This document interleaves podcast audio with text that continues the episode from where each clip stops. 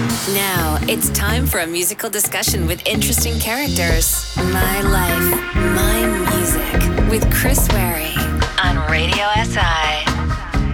Just a few short weeks ago, my guest today returned to television to act as the role of a lawyer, the name Borut Zala. He, of course, is the actor Rok Vihar. Welcome. Thank you very much. Thank you for having me.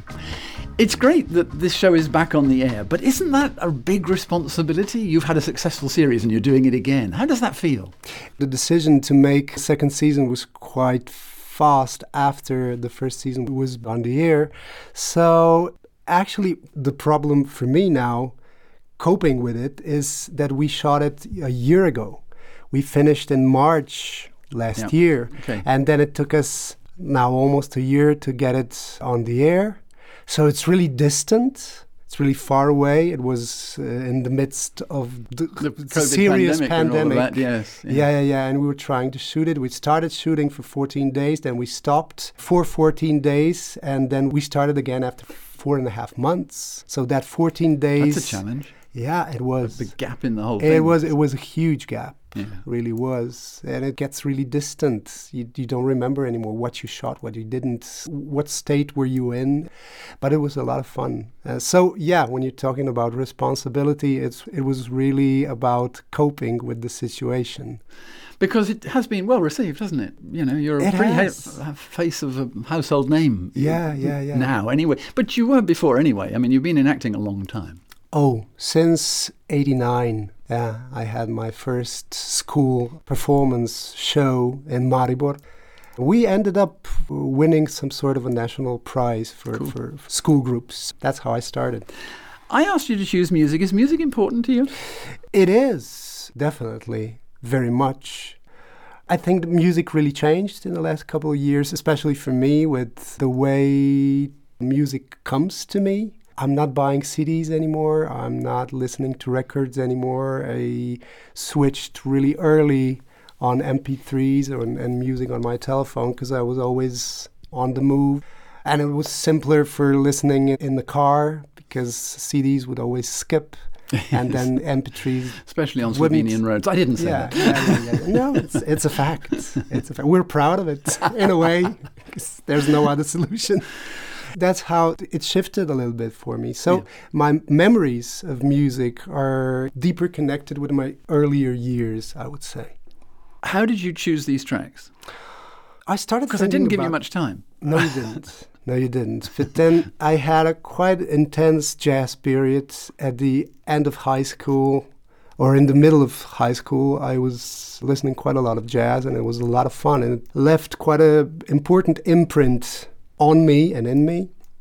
When I was thinking about the music, the first one that came to mind was Dizzy Gillespie because he was still alive when I started listening to jazz and that piece with Flora Purim, it's really brilliant the way it starts. So yeah, that's why I chose it.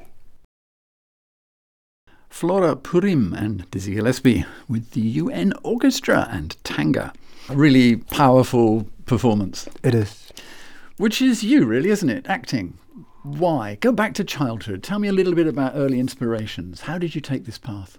It chose me. I didn't choose it at all. I started at a really young age, uh, when I was in sixth grade, something like that, to work on radio.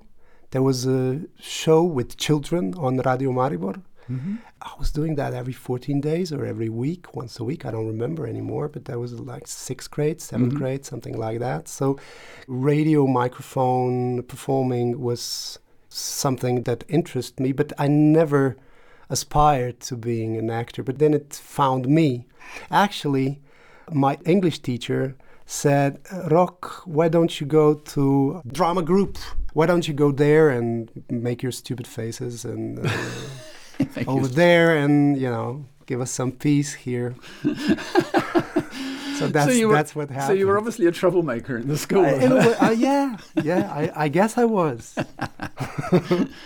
but you started the, a group in Maribor at Perva Gymnasia. We did, we did. That was something that went with the National Theatre in Maribor. Also, there was an idea to create a kind of an acting drama studio inside Maribor Theater Mm-hmm. that was run by uh, Willy Rauniak. And there was a couple of us over there, and we were also all in Prva Gymnasia. As it happened, I think I was in my second year, something like that. We actually went over to Opcina and we created theater. We got some money to do a performance from local businesses Okay. that, like, the end of 80s, beginning of 90s, started to emerge. Mm. And we got some money on the school bank account, and the school was making a computer class Right. And they needed the gear and they took our money Oh, and we said oh come on people you cannot yeah. do that so we went back to those guys said school took our money could you give us some more and yeah and we created theater eventually Nice stuff because it's still going, it's still happening. it is So there are lots of budding people in Maribor who get opportunities because of something you and your friends did a long time ago. Quite proud of it yeah it was a great time it was actually the breakup of the old country the beginning of the new the, f- the mm. smell of freedom and new years and stuff and ideas and, and, and Opportunity to express yourself. So it was a brilliant time, Yeah. really. Brilliant time to be young. Yeah, yeah. Definitely. Yeah. What's the next piece of music? And why? There was an era of Pink Floyd in my life, last two or three years, something like that. And the final cut is really the record that I kind of when I really went deep into Pink Floyd and I really liked it. It's the whole record that it's dedicated to the father of Roger Waters. It's about Second World War and quite brilliant. And it's a piece that it's not hugely popular. or No, I was about to say, I guess a lot of people won't have heard this. yeah, yeah, yeah. That's really, really nice. And I got some nice memories attached to that song. The guest today is the actor Rok Vihar. We've talked a little bit about what you're doing, but you actually went to the Academy of Theatre and you've already said you kind of fell into acting. How does it feel now? Because you're experienced, you've had more than 20 years on the stage or in TV or even doing commercials or whatever. How is that life where you're being someone else or something else and another one that's separate?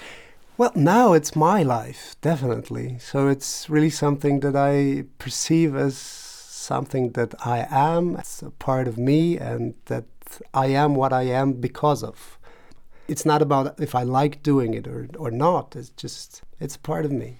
It's a job, but you clearly love it. I do, definitely. I mean, when acting becomes part of you, it, it's really an emotional feeling. Sure. Yeah, it is. It can be very frustrating. It is for a lot of people. It was also a lot of times uh, frustrating for me, but I'm lucky and I'm happy and I, I enjoy it.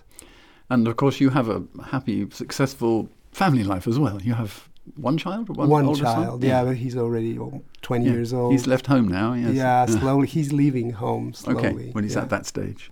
So he's going to study in October. So we're looking forward to that, definitely. Oh, some freedom, you mean? yeah, he had a year of freedom because of the whole Corona situation, sure. and yeah, yeah, yeah. They didn't have a prom night. They didn't didn't have uh, Yeah. This is really trip sad. or For kids, this whole thing is a nightmare. From an educational, It from an is, it experience point of It's view, it's a nightmare. terrible. But then you realize that you know prom night being what it is, it's actually a, a very important ini- initiation Yes. For young people. You become aware of it when Mm. it doesn't happen. So yeah, it's pretty sad. It's expected, and it produces sadness, of course. Amongst yeah, it does. It does, which and is- it's which is a something that they need to, you know, find in other way to start feeling being part of the community Yeah. because that's the point of initiation. Sure. I mean, it's a it's a complete life change, isn't it? It From is. academic Yeah. study Yeah. into suddenly uh, going straight into the world, or doing something that you've chosen to do elsewhere. Exactly. Be it more university study or whatever. Yeah, but yeah, this is yeah. a big deal, a very big deal, and that's very hard for kids in general. Um, your son copes with that. How does? He does. He does. What's he studying? Not yet. He's gonna what, what? Where will he go? What will he do? sociology, uh, politics, somewhere here. Yeah. That's his idea for now. Now, I hope he'll stick to that. He should, because uh, uh, he applied for it. So it's in October he, he starts studying. So looking forward to But it. political studies doesn't mean to say you have to be a politician. So there's lots of doors he can open with that. I'm sure. Do you think he wants to change the world? He has got Oh, I think every young person wants to change the world. No one actually wants to change himself.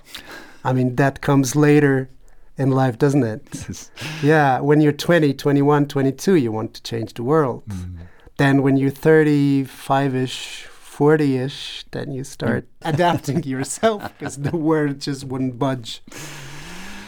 Let's have another piece of music. What will it be? It's Alleluia, but from K.D. Lang. I love her version, really do. I don't know why. It's just her insight into that piece of music that it's phenomenal. It's also, I, I know just the concert versions. Mm. I thought it would be really interesting to Maybe listen. we play a concert version. Yeah, yeah, Get the feeling of the whole atmosphere because the performances are amazing. yeah. Hallelujah from K.D. Lang. Let's talk about the different things you do and how you compare them. I mentioned it briefly earlier. Now you're, you're working in television, but you've worked in, in film and you've even done commercial. I say even, it's a really powerful thing to do, commercials, which of course makes you very visible. Do you like being visible? I don't have problem with it. It's again the part of the work that I do. So I had to find my uh, way and peace with it on the very very early. Do you get stopped in the street? I do. Yeah. Yeah, yeah, yeah. It was it was bothersome when I when my son was really young, like you know six months, one year. Yeah. It was not about you. It was about you know being protective towards a really uh, helpless young person. But then when I get bothered, it's no bother. Not at all. not anymore. Okay. And you like the whole role of this? You like the gamut of different sort of focus? Because working to camera is quite different to standing on a stage. Yeah, yeah, yeah, yeah. I like the difference because it gives you possibilities that you don't have on the stage. On camera, you can be really intimate and really up close, and v- you can adapt with your voice. You can be, you know, everything could go towards intimacy. The dynamic is much wider. Yeah, sure. but on the other hand, the camera is really like a microscope. So if you get it too close and you're trying to fake it, you fail like big time. But the stage still has a, a call to you too. Oh, definitely. I'm employed in a theater. I've started in a theater. Theater is really big part of my life from early years, and it's still a lot of fun. And it's that direct energy with the audience. The performance on stage never happens by itself. You need that energy from the other side to come across. For the performance to happen, you need you need the audience actually. And no two performances are quite the same. No, they're not. But clearly, that relationship between you and the audience has to be a little guarded because you have a role to play. Yeah, yeah. So, getting the balance of how that works is interesting. the guarding happens by itself and what you're actually working is you're working against the guard Yeah. being present because it's guarding yourself from that amount of energy coming from the audience is natural is biological. And the, the struggle is to remain open and fluid despite the audience being present But I, I meant some actors who kind of disregard the audience. In their minds, they kind of go, I can't really see them anyway because of the lighting, and I'm working with this group of actors. Yeah, but the, the energy is present Mm. in the room, in the in a space. So they are part of it. It's the same thing with a camera, actually. If you're just playing with a partner and disregarding the camera, you're gonna fail on film. It's not how it works. It, you have to be aware where the camera is and being aware of the camera and not looking at it. I mean, if you're doing a commercial, you might be talking to the camera, but if you're doing a, Yeah. a, a, a fiction, Yeah. then obviously the camera doesn't really exist. it shouldn't look like it, it Yeah. exists, but for an actor, it's really important to know where it is, how it's positioned, what the frame is, what the lighting is, Sure. where's the microphone, Yeah. everything. You have to know it, because otherwise, you just You it- fall over the technology. Yeah, yeah, Yeah. It eats you, we say. When you're on camera, if you're close to camera, your sound shifts, and then when you're far away from it, you know, there's also different. The dynamic. perspective of that, Yeah, Of course. And it's very important for an actor to know that. Directors have different approach. One idea that was very popular is really we're trying to make actor not aware of the camera and blah Yeah. blah blah. But then in my experience it's really, really important for an actor to know those, those Mm. things. But you have to act, and the technology mustn't stop you being an actor. Of that's course. that's the bit that's clever, Of isn't it? Let's have the fourth piece of music. The fourth piece of music is George Balašević. Mhm. It's the song that everybody knows. It's Mirka. It was very, very popular because it was written by him as sort of a popular song. But then, when you go listening to it, it has a phenomenal story that's really intimate and really personal. And actually, people usually don't know it, they just know the chorus.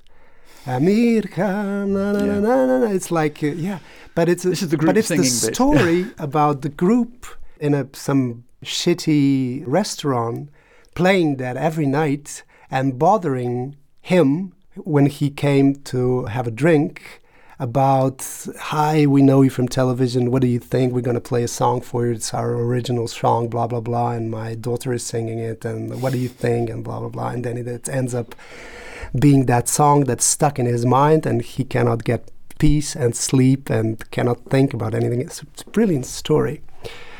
There's actually even more to, of my personal story to that song but we can talk about that after the song so actually, what happened is that I performed that song on radio. It, it was a show years ago that you know had an idea, actors singing, blah blah blah, and I was performing this song.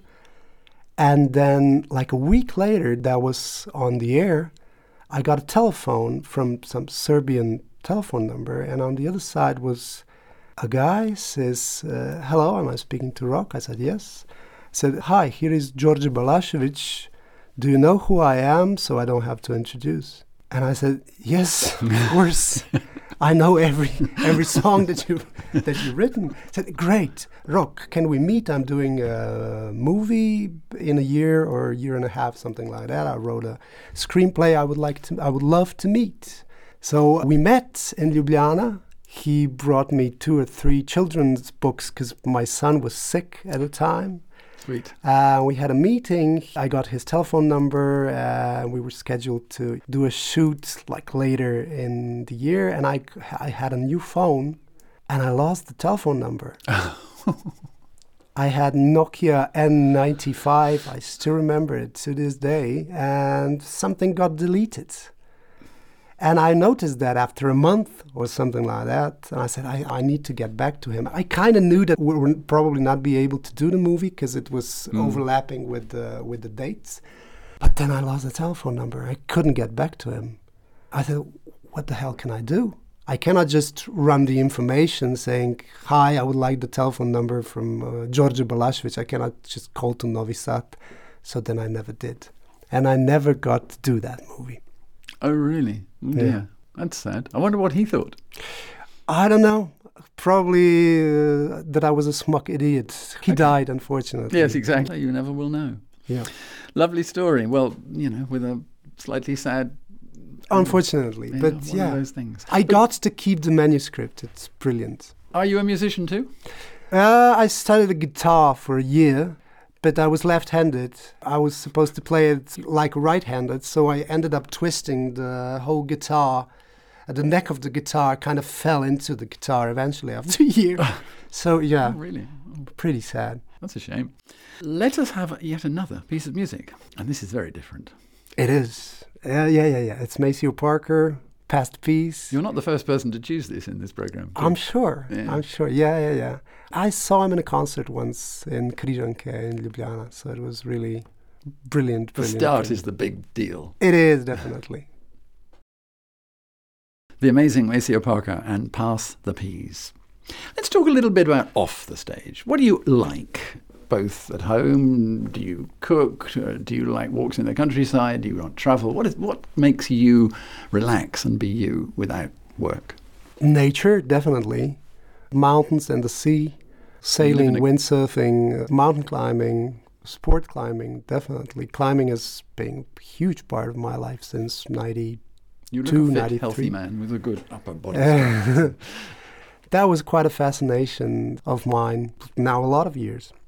So that cooking, yeah, baking, bread, nice. all those sort of stuff, yeah. That kind of fundamental stuff is really nice, isn't it? There's something Uh, special about, particularly baking. I don't know what it is, but Oh, it's such a it is, basic thing which you can make so many different varieties of. It's a family in your hands, isn't it? Mm. It's kind of uh, really needing. it's- Kneading it's the a- dough is like cuddling your family. It's that kind of like- yeah, that kind it's of that kind of connection. It was quite an OCD for me for, for part of two or three months. Something I would I really wanted to you know obsessively make a perfect loaf of bread. Brilliant. So I ended up with a whole loaf every day, and I ended up going t- to uh, to the theater and having always a quarter or a half of bread with me, and you know just passing on to people. Just here you have it. Just Pile of don't don't ask, to go just with it. have it. tell me tell me tomorrow if it's okay. And that lasted kind of a three for three or four months. nice. Those things are nice, and obviously part of your work is very team orientated. I, I mean, no one is more important than anyone else, kind of thing. Definitely. Yeah, for me especially, the theater is uh, teamwork. Film and television also, in particular. You never get to see the amount of people behind the camera, but that there can be like 80, 100 people, Mm. huge production, these well, even more. So yeah, it's a group effort, and it should be always perceived as such because without without all that support of fellow actors and all the people behind the stage or behind the camera you're just It doesn't exist, It or at does least it doesn't not. have the same value. no no it does not No, it's full of amazing specialists who know how to understand one another. It seems. exactly yeah and that's why the production doesn't stop is so important because those are like small very specialized professions that just you know just disappear Mm.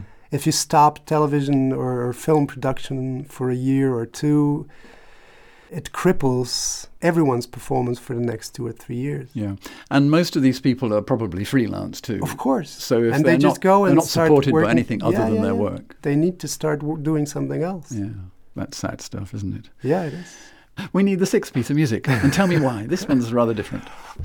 It was the first amount of cash that I kind of accumulated in a seventh grade or eighth grade or something like that, doing the radio show and blah blah blah. And I had had some money, A rich student. and I wanted to have a CD player that was like really new stuff at the end of 80s.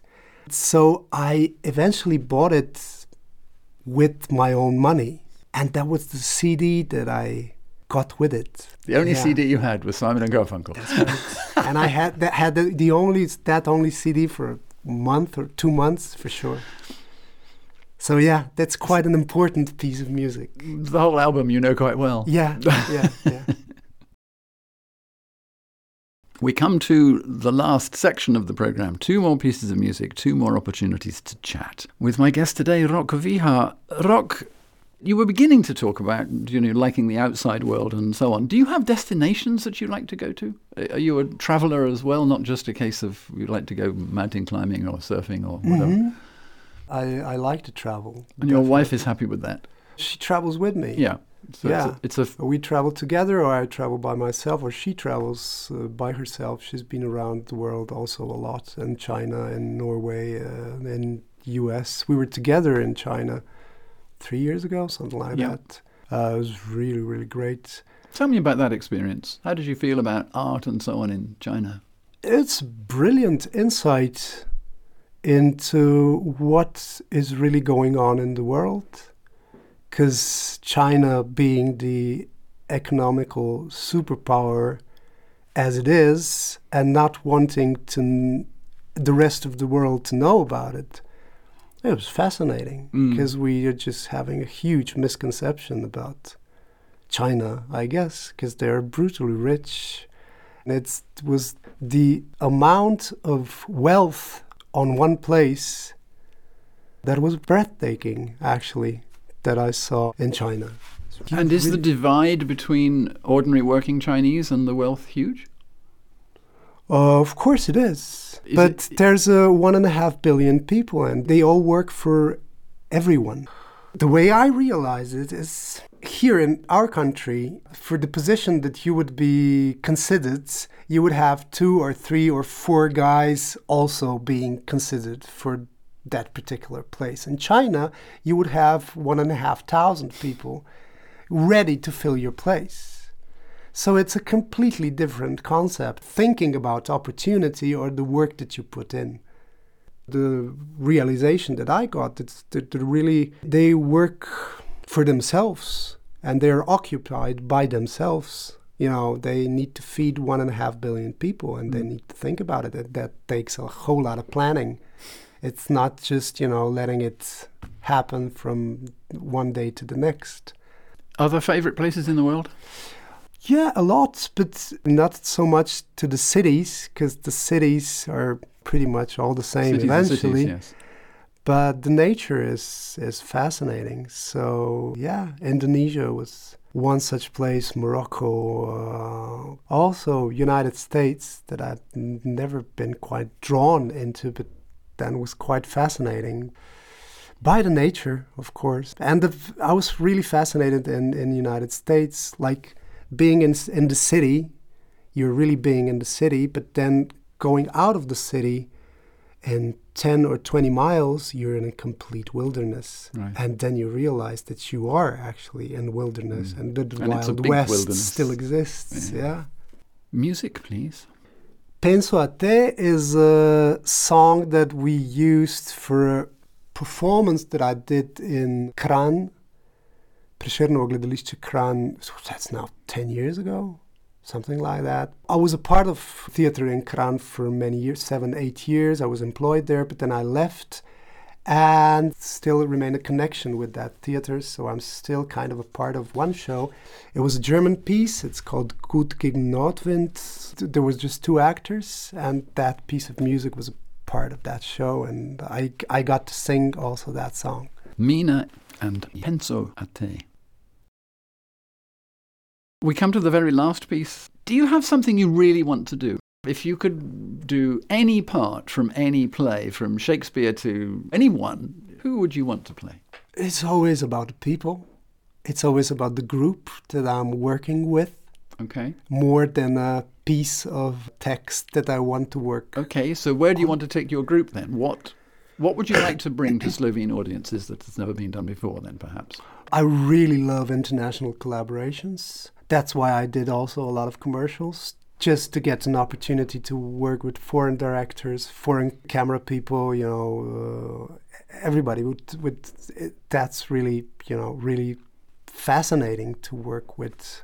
Are the skills hugely different? I see very skilled operatives here in all technical oh, fields. Absolutely, they are. It's just the way you're perceived is different.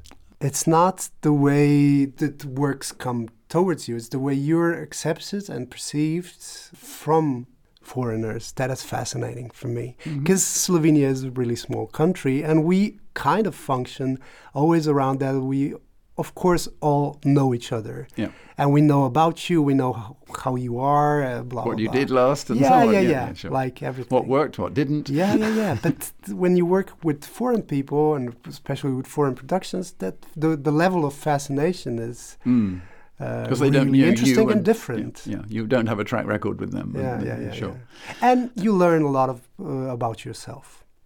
Because you have to be fairly self-assured to act, don't you? You have to be fairly confident that you can achieve a result.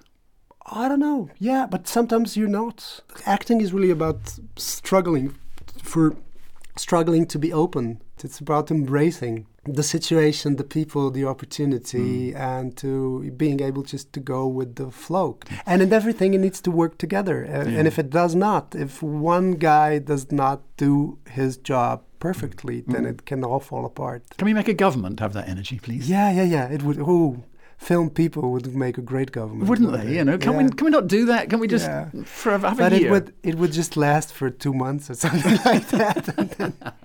well, very important thing in in a theater and also in film business is a break, because you work so closely with one another, then you eventually need a break. In theater, especially mm. after the season, if we don't make a break for a month and a half, we would eventually kill each other, definitely. Rok, it's been a great pleasure. Thank you so much for sparing the time and coming in and talking about Thank you for your experiences. Me. I wish you all the best with whatever the next thing is. Do we know what the next thing is? No, I don't know. I think it's coming in June yeah, it's the, the way that the things work with me. It's it's really just everything is just a phone call away a lot of times. Yeah, sure. And yeah, it was just yesterday that I was speaking with a casting director from Denmark, being in Istanbul, asking me if I have a spare time, and I said when. She said tomorrow, day after tomorrow. Said, Wow. What to fly in Istanbul? Yeah, yeah. Could you do it? I said, yeah. Of course you did. Yeah, I could. So Fabulous. now I'm waiting for her to come back to me. So this is how things go. That's exciting, isn't it? It is, You're not it quite is. sure where the next adventure Yeah, is. yeah, yeah. It's always a phone call away, actually. Rok, it's a pleasure. How will we end musically? It's a Dave Matthews band playing uh, Rolling Stones' Wild Horses. So we have the version with Mick. If you want to, we can have a version with Mick being mesmerized by the amount of uh, praise that Dav- Dave Matthews got. So it's a live for his performance, version. yeah. It's brilliant. But it's also a phenomenal song. Being written by, as Mick Jagger explained, it's about his girlfriend waking up from a coma and saying to him, I wouldn't let wild horses take me away. And he said, We're going to put that in a song. No better way to end. Thank you very much indeed, Rok Vihar. Thank you for having me.